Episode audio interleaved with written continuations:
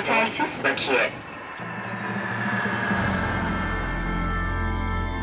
Yetersiz Bakiye hoş geldiniz. Ben Yama Çokur. Serkan Çakarer. Serkan epey uzun bir ara verdik ya. Hamam, Cağaloğlu hamamı bize yaramadı galiba. Rehavet geldi üstümüze. Bir ay olmuş neredeyse son programı yapılı. Ee, o sıradan sonra benim dizinin final bölümleri vardı. Ben gerçekten çok yoğun bir süreç geçirdim. Sen de yavaş yavaş ön yapıma doğru giriyorsun kendi Evet. projenle ilgili olarak. Ee, son bir ayda biraz böyle sektörde kan gövdeyi götürdüm. Aslında programımızın konusu bu olacak ama istersen oraya girmeden önce e, böyle bir iki tane not çıkarmışız seninle. İkisi de Türk sinemasının e, ne kadar gelişine dair notlar. İstiyorsan bir onlardan bahsedelim. E, birinci notumuz BKM ve Mars grubu. Artık Mars grubu biliyorsunuz SJ Entertainment grubu oldu. CJ. CJ Entertainment grubu oldu. Ortak bir anlaşma yapmışlar. Biliyor musun ortak yapım anlaşmasının içeriği? Ne yapmış olabilirler BKM ve Güney Kore'de CJ Entertainment grubu? Ya, Türkiye'de bu Kore filmleri, dizileri vesaireleri bayağı popüler. Herhalde onların e, tekrar e, adaptasyonlarının yapılmasıyla ilgili bir şey diye Demek okudum ki ben. konu kalmadı artık. Ana akımlarda da bir şey bitti. Zaten son dönemde vardı bir takım Kore uyarlamaları benim bildiğim filmler. Özellikle Özcan Deniz'in filmlerini falan biliyorum. Evet. Ee, bakalım yeni modeller var. Haberden... Sanayide, sanayide Kore malı araba bölümleri olur böyle falan. Kore, Japon malı, Kore malı. Şimdi sinemada da Kore dönemi başlıyor. Zaten başlamıştı bir dönemdir yapılıyordu böyle film vesaireler falan. Demek o tutunca ticari olarak e, ha- hazır Koreli de burada yanımızda. Format onlarda zaten. Adamlar yapımcı aynı zamanda CG Entertainment. Herhalde öyle bir hep beraber bir kuvvetleri Ortak birleştirelim. olarak da BKM'yi seçmişler. BKM'de ana akım e, film tarafının TAF'la beraber en kuvvetli oyuncularından. Neler yapıyorlarmış biliyor musun? Çin'de 30.6 milyon e, dolar hasılat yapan e, A Wedding Invitation uyarlaması. Acı tatlı ekşiymiş. Çin filmi mi bu? Bu anladığım kadarıyla Kore filmi ama Çin'de mi yapmış tam anlamadım. Yani belli değil Çin veya Kore filmi olduğu. Yönetmen An- Anda Chaznederoğlu'ymuş. Daha çok dizi Ha, burada yapılacak olanı söylüyorsun. Evet burada yapılacak Okey. olanı söylüyorum. Ee, ikinci proje olarak da e, Güney Kore'de bu sefer 2014 yılında 58.2 milyon dolar hasat yapmış.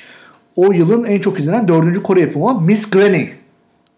Evet, o- uyarlaması Onun yönetmeni kimmiş? O daha açıklanmamış. Evet.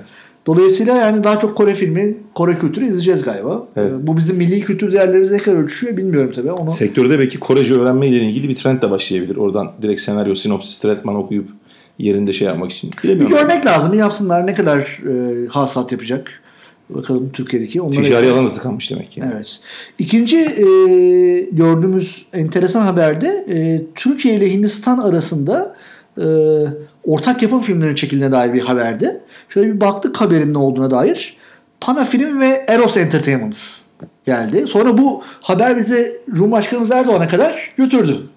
Erdoğan hakkında hatta Hindistan'la bir takım e, işte filmler yapılmasını önemli olduğunu Bu aslında bize filmmiş. sinema çalıştayında böyle bir ortak yapımla ilgili böyle bize bir geldi oradan aslında bir şey. Hindistan, böyle Güney Amerika falan filan. Biz onun diziyle ilgili olduğunu düşünmüştük aslında.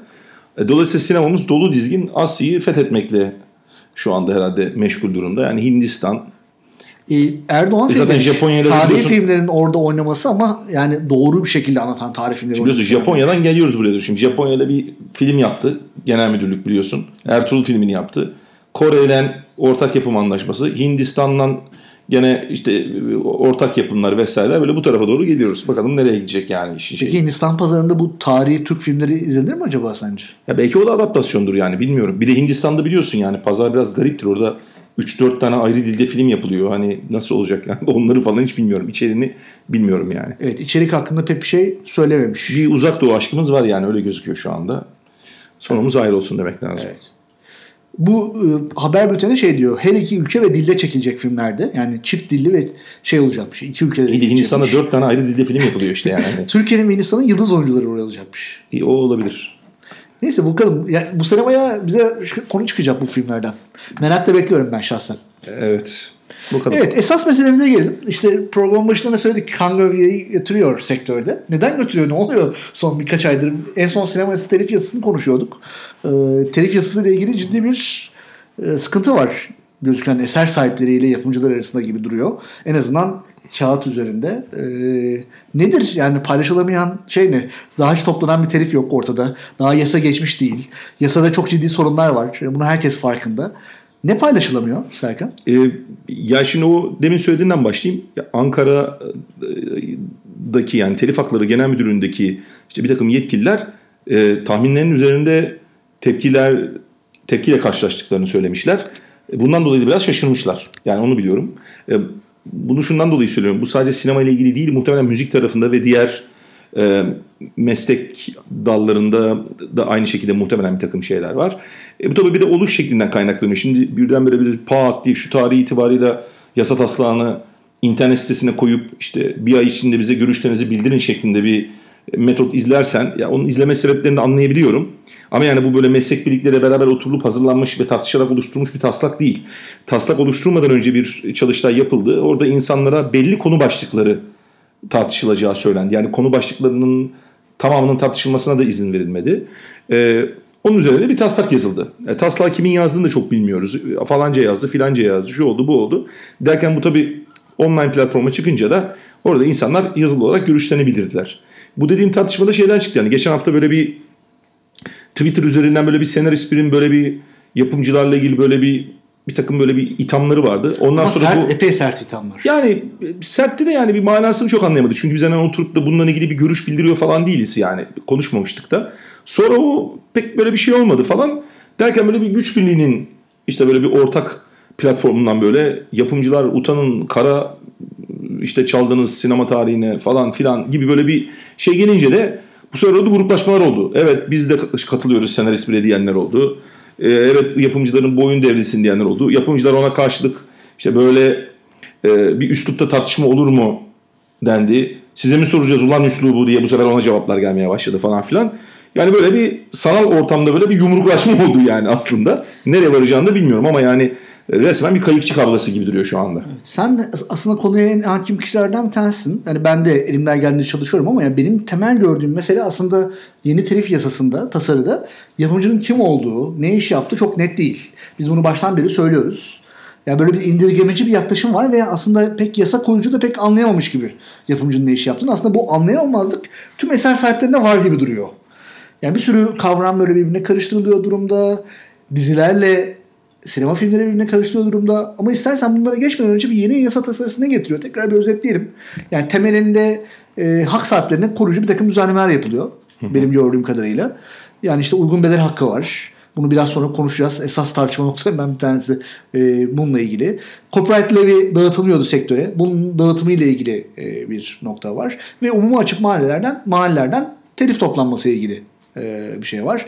Onun dışında eskiden davaların kaybedilmesiyle ilgili bir takım belirsiz noktalar vardı. Bunların netleştiren ifadeleri olmuş yasa konusu. Daha teknik. Bunun detaylarına şu anda bence e, girmemize gerek yok.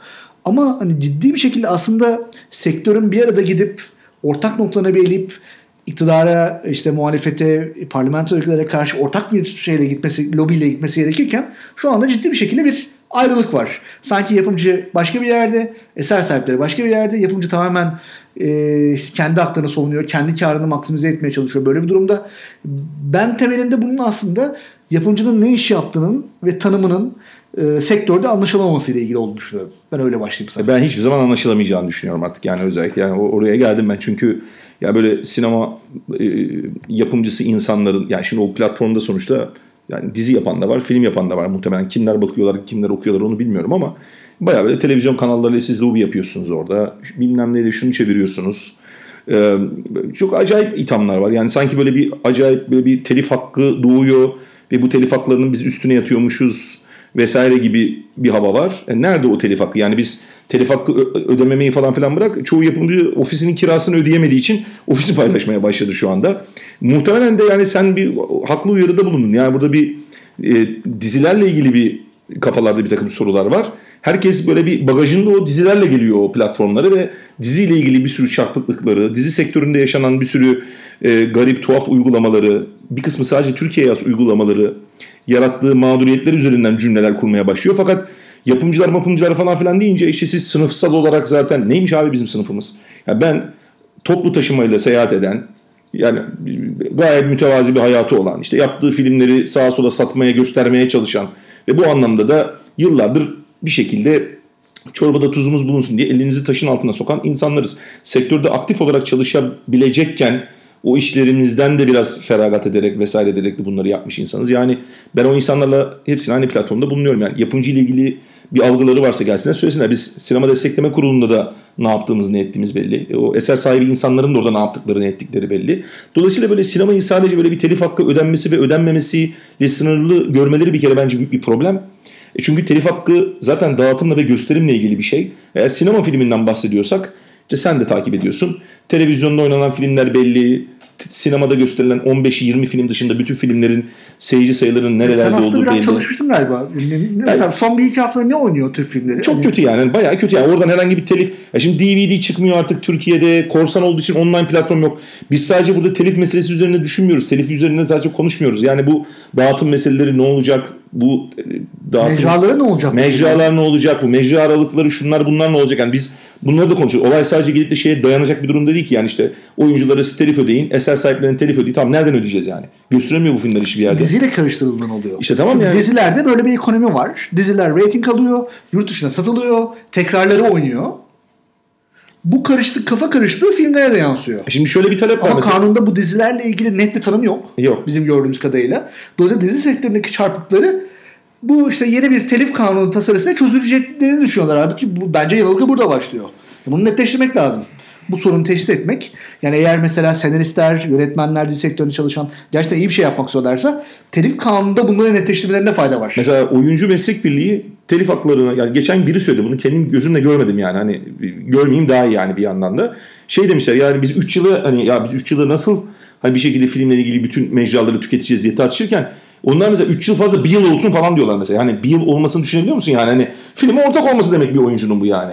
Yani Hani ya olsun da yerine göre de yani ne söylediklerini gerçekten biliyorlar mı? Daha doğrusu söyledikleri şeyin yani diziyle ilgili bir şey olduğunu aslında kendi içinde. Sinemada bunun ne kadar garip bir tuhaf işitildiğini falan çok farkında mı insanlar çok emin değilim ben ondan Şimdi gerçekten. bu uygun bedel uygun bedel hakkıyla aslında sorunların birçoğu oradan çıkıyor. Bir açar mısınız? Uygun bedel hakkı nedir? Şu anda kanun tasarısında yapılmaya çalışılan şey ne?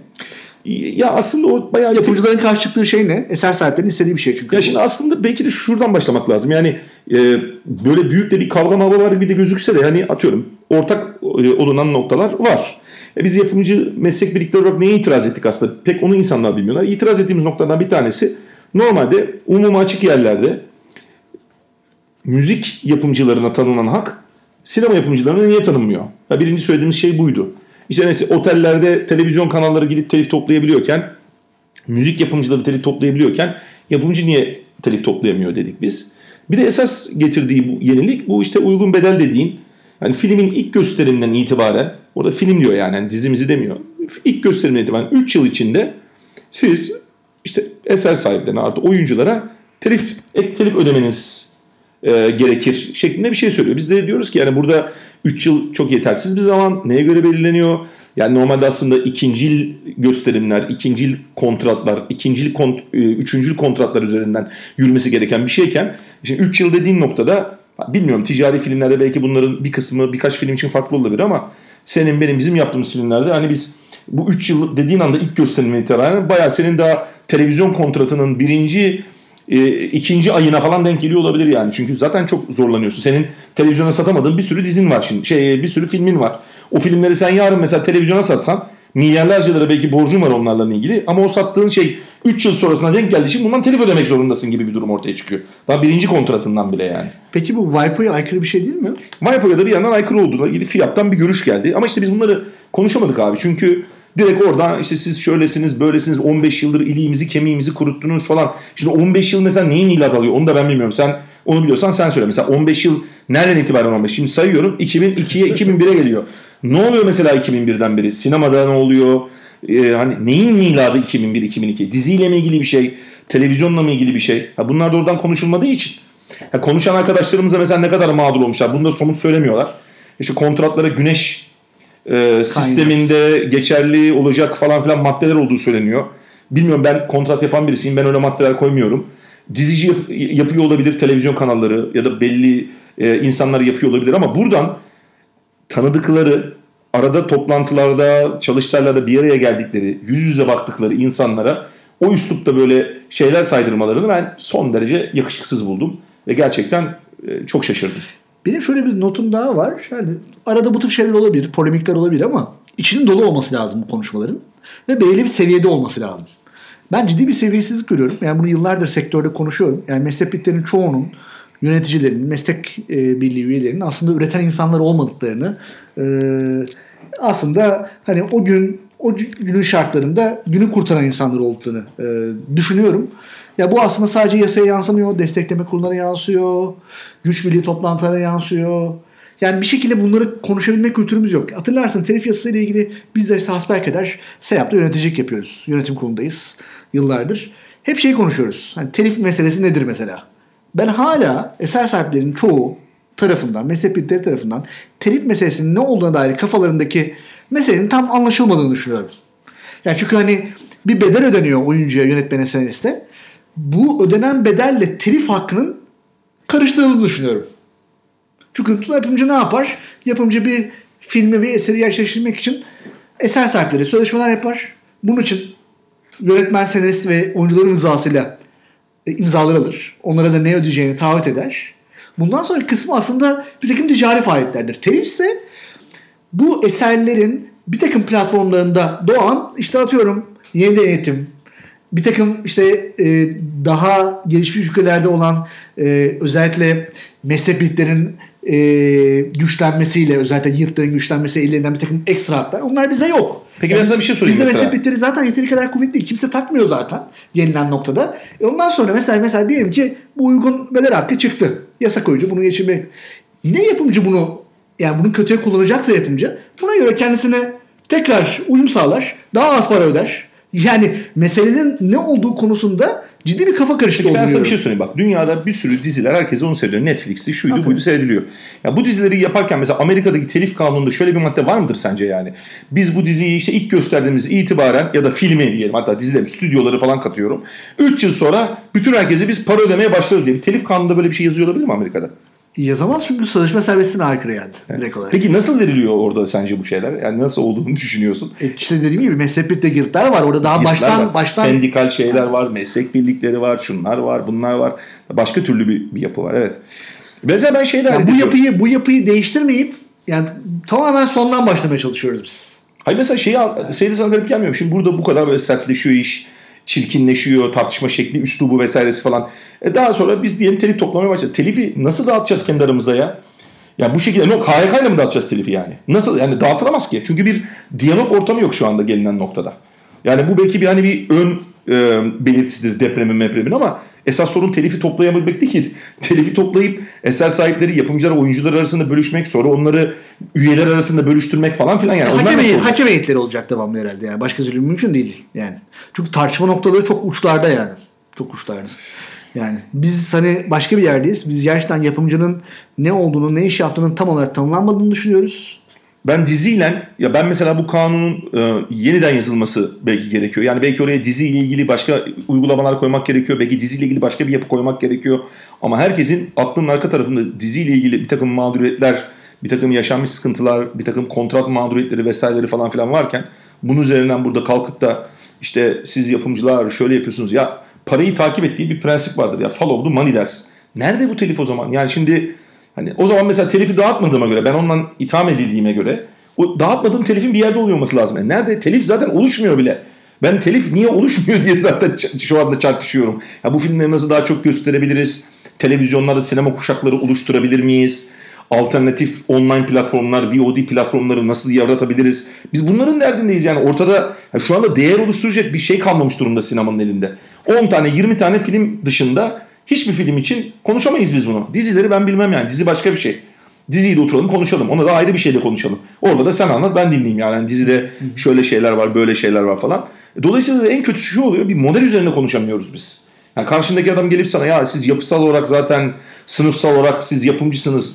Biz yapım hani nasıl bir sınıfsak onu da ben bilemiyorum yani. Herhalde ya bir kere bağımsız yapımcının ne olduğunu anlamıyor insanlar ya. Benim o kadar derslerim var gelsinler dinlesinler bir tanesi ben anlatayım. Daha bağımsız yapımcı dediğin adam kendi kendinin patronudur. Kendi alacağı parayı da bütçesinin içine yazar ve genelde de o bütçedeki o parayı zaten difer eder. Yani erteler.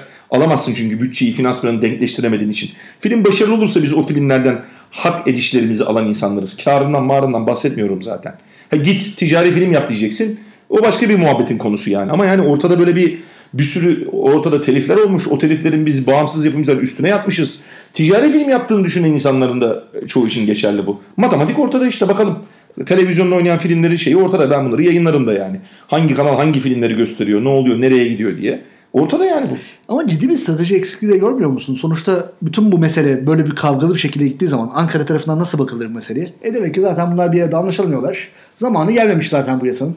E zaten şu anda kanallar bizden daha örgütlü. Kanalların şu anda telif, teliften gelecek paraları kanallar şu anda kendi kendilerini öldürmeye çalışıyorlar. Ya kanallar ilgili- zaten şu anda oraya sızmış durumda işte. Biz demin ben onu anlatmaya çalıştım. Kanallar zaten şu anda bence ya bu benim hi- hi- hipotezim. Bir lobi yapıp zaten umum açık mahallen telif haklarını almayı garantilemişler.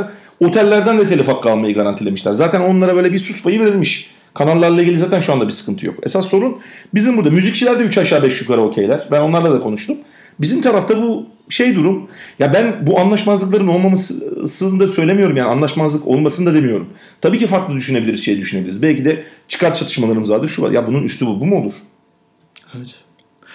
Ee, bakalım yani bu yaz nasıl geçecek ama ben böyle bir konjonktürde e, sağlıklı bir yasa geçme şansını e, mümkün görmüyorum. Baştan beri de hem sinema yasası hem telif yasasında şunu düşünüyorum. Yani belki böyle bir dönemde bu yasaların geçmemesi daha iyi olabilir. Yani yasaların geçmesi için önce hani bir sivil toplumun, meslek örgütlerinin daha kuvvetli hale gelmesi lazım. Bizde hep böyle tavuk yumurta işte yasa geçsin falan ama yani ben açık konuşmak gerekirse yani meslek örgütlerinin bu işe hazır olduğunu çok düşünmüyorum. Bu aralar haliyle. Valla yani buna ekleyecek çok bir şeyim yok benim de maalesef yani. Ama bu konu daha çok su götürür. Daha çok konuşuruz gibi duruyor. Ee, göreceğiz yani. Telif yasasını yıllardır konuşuyoruz. Şu anda elimizde bir taslak olduğu için biraz daha ciddi bir şekilde konuşmaya başladık. Bakalım hani e, iktidarda, hükümette bu yasayı geçirmeye dair bir şu anda niyet var mı? Şu anda bunu izlemek Ya lazım. olduğunu söylüyorlar. Yani ne bileyim belki biraz daha interaktif bir işler yapmak lazım. Belki böyle bir platform oluşturup orada insanların soru soracağı, cevap alacakları.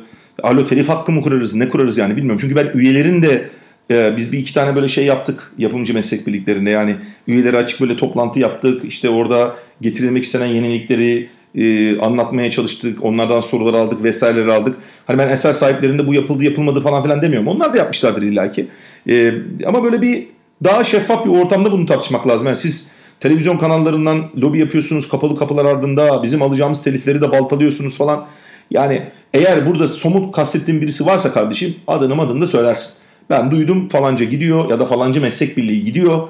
Burada bu, bu kanunun şu maddesiyle ilgili bunlar böyle bir çalışmada bulunuyorlar. Hakikaten bu da sektöre zarar verecek, sektörü geri götürecek bir şeyse şu an zaten telif toplayamayan kim kaldı yani Türkiye'den başka e, yurt dışında Avrupa'da Avrupa'da falandan hiç kimse kalmadı. Bu tabii ki gelsin sağlıklı gelsin şu gelsin bu gelsin ama bütün sektördeki çarpıklıkları endüstrinin sorunlarını bir 5846 bir 5224 ile çözeceğimizi biz asla düşünmeyelim. Katılıyorum. O zaman şimdilik telif meselesini kapatalım. Herkese iyi haftalar, iyi bayramlar dileyelim. Herkese iyi bayramlar. Yetersiz bakiye.